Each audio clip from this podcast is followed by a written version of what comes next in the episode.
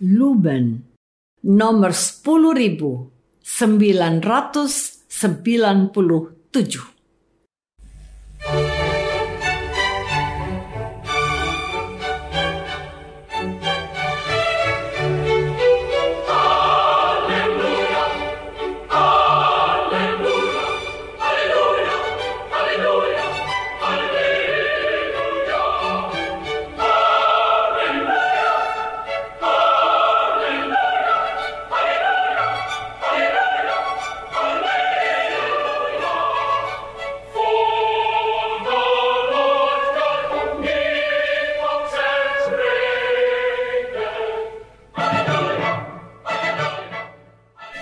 Saudara pendengar di segenap penjuru tanah air, selamat bergabung dengan Lumen Indonesia.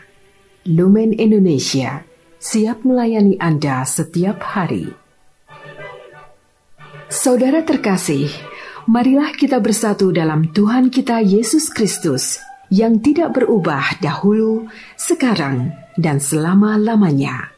Allah Sang Maha Rahim mengasihi dan menerima sebagaimana adanya kita Allah Bapa kita di surga senantiasa bersedia menolong, menghibur, dan meneguhkan kita dalam menghadapi segala permasalahan hidup sehari-hari.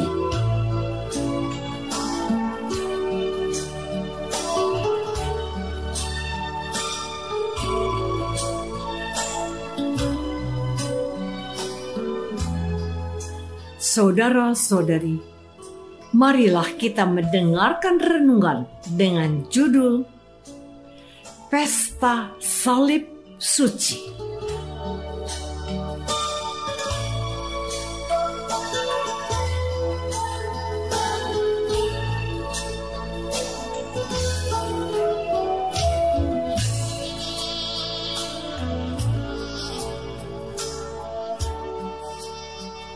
Yang berdasarkan pada Injil Yohanes bab 3 ayat 13 dan 14.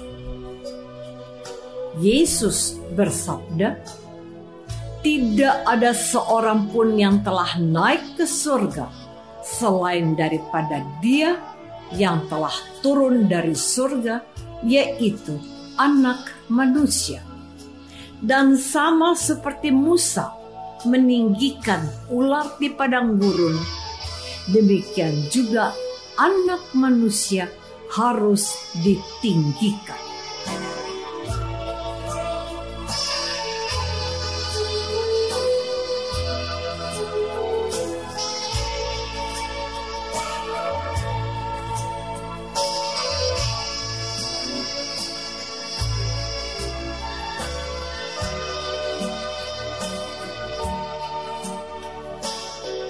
Dalam nama Bapa dan Putra dan Roh Kudus. Amin. Saudara-saudari terkasih dalam nama Tuhan Yesus Kristus. Tuhan Yesus datang ke dunia untuk menjalankan tugas utama yang dia terima dari Allah Bapa, yakni menyelamatkan semua umat manusia yang mau mengimaninya dalam melaksanakan tugasnya, Tuhan Yesus selalu terbuka dengan semua orang. Dia juga tidak segan-segan membagi ilmu tentang siapa Allah dan siapa dirinya, seperti yang terjadi antara Yesus dengan Nikodemus. Dalam sebuah percakapan antara Nikodemus dengan Yesus, seperti yang kita baca dalam Injil hari ini, Yesus bersabda, "Tidak ada seorang pun yang telah naik ke surga selain daripada Dia yang telah turun dari surga, yaitu Anak Manusia."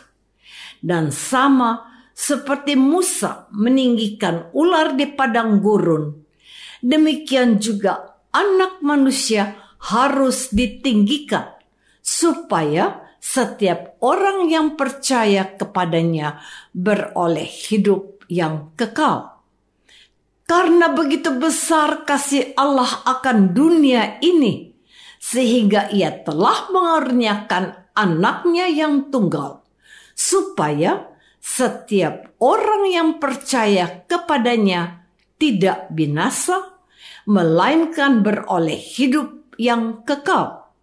Sebab Allah mengutus anaknya ke dalam dunia, bukan untuk menghakimi dunia, melainkan untuk menyelamatkannya oleh dia.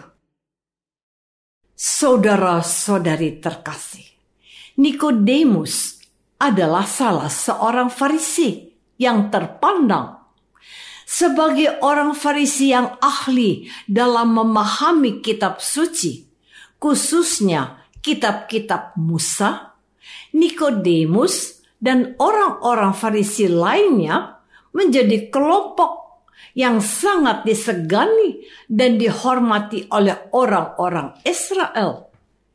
Nikodemus dan orang-orang Farisi lainnya memiliki kuasa dan wenang dalam mengajarkan Allah yang benar. Maka, hampir semua orang Farisi merasa dan meyakini dirinya sebagai wakil dari Allah dalam hal ajaran namun, tanpa disadari, hal itu menjadi sebuah masalah besar dan serius bagi orang-orang Farisi. Sebab dengan pengetahuan dan keahlian yang mereka miliki dalam bidang agama telah membuat mereka menjadi orang-orang sombong sehingga menutup hati terhadap kehadiran dan karya Allah lewat Yesus putra tunggalnya. Mereka tidak sadar bahwa di tengah-tengah mereka telah hadir Yesus putra Allah. Maka di hadapan Yesus ilmu dan pengetahuan orang-orang Farisi menjadi sia-sia. Saudara-saudari terkasih, salah satu pembicaraan antara Tuhan Yesus dengan Nikodemus adalah peristiwa Musa meninggikan ular di padang gurun. Peristiwa itu sangat membekas dan tidak akan dilupakan oleh seluruh umat Israel dari masa ke masa. Sebab Cerita itu senantiasa disampaikan oleh orang-orang Israel dari generasi yang satu ke generasi yang lain secara turun-temurun. Peristiwa Musa meninggikan ular di padang gurun menjadi pengingat dan penanda agar orang-orang Israel maupun keturunan mereka tidak lagi memberontak dan melawan Allah maupun orang-orang pilihan yang diutus Allah seperti Musa. Dan Tuhan Yesus menghubungkan peristiwa Musa meninggikan ular di padang gurun itu dengan kehidupan Yesus yang juga akan ditinggikan. Namun, yang Yesus maksudkan adalah peristiwa salib yang akan dia hadapi. Artinya, Yesus sedang berbicara kepada Nikodemus bahwa Yesus akan menderita dan wafat di atas kayu salib dengan meninggikan Yesus, yakni dengan wafat di kayu salib, semua umat akan memperoleh keselamatan. Maka, semua umat beriman termasuk orang Farisi dan para pemuka agama, harus percaya kepada Yesus. Saudara-saudari terkasih, hari ini gereja Katolik di seluruh dunia merayakan pesta salib suci.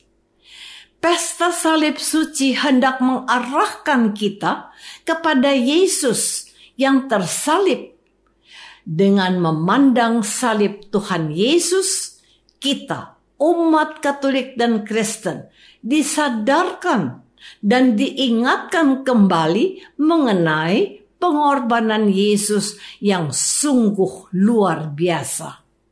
Penderitaan dan pengorbanan Yesus di atas kayu salib melebihi semua orang yang pernah hidup. Salib menjadi puncak seluruh derita dan sengsara Yesus. Namun, sebelum Yesus sampai ke atas kayu salib, Yesus terlebih dahulu mengalami hinaan paling keji dan tidak mengenal batas. Yesus diludahi, diolok-olok, dicambuk, bahkan pakaiannya ditanggalkan. Padahal pakaian menjadi pelindung martabat seseorang. Orang yang ditelanjangi dengan cara yang tidak beradab dan kejam adalah tindakan merendahkan harga diri seseorang. Maka, ketika kita mendapatkan perlakuan yang tidak adil atau tidak dihargai dan diabaikan orang lain, kita ingat dan sadar bahwa Tuhan Yesus yang kita imani sudah terlebih dahulu mengalaminya. Bahkan seluruh penderitaan yang kita alami saat ini belum sebanding dengan apa yang telah Yesus alami.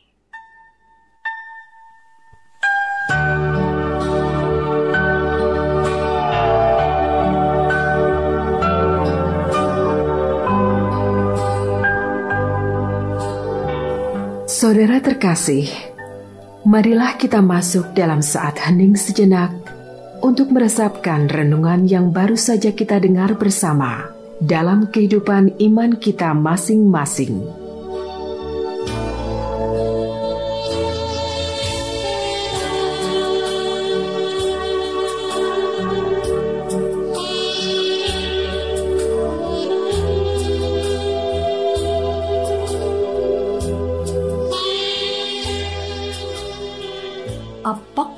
Selama ini kita sudah menyadari bahwa keselamatan Yesus akan anugerahkan kepada kita diperoleh lewat salib yang keji dan bengis. Marilah kita berdoa. Tuhan Yesus Kristus, Engkau ditinggikan di atas kayu salib supaya setiap orang yang memandang dan percaya kepadamu memperoleh hidup yang kekal. Bantulah kami, umatmu, supaya kami semakin percaya kepadamu dan mendorong kami untuk tidak takut menderita seperti yang kau alami. Doa ini kami persembahkan dalam namamu, Tuhan dan pengantara kami. Amin. Semoga kita semua selalu dinaungi dan dibimbing oleh berkat Allah yang Maha Kuasa, Bapa dan Putra dan Roh Kudus. Amin.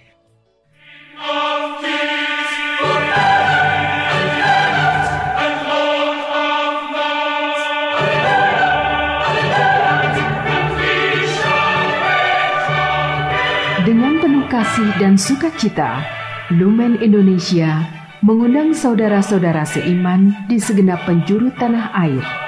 Sekiranya ada tanggapan ataupun saran, kirimkan surat Anda ke Lumen Indonesia. Terima kasih atas perhatian Anda. Sampai berjumpa lagi dengan Lumen Indonesia pada waktu dan gelombang yang sama esok hari.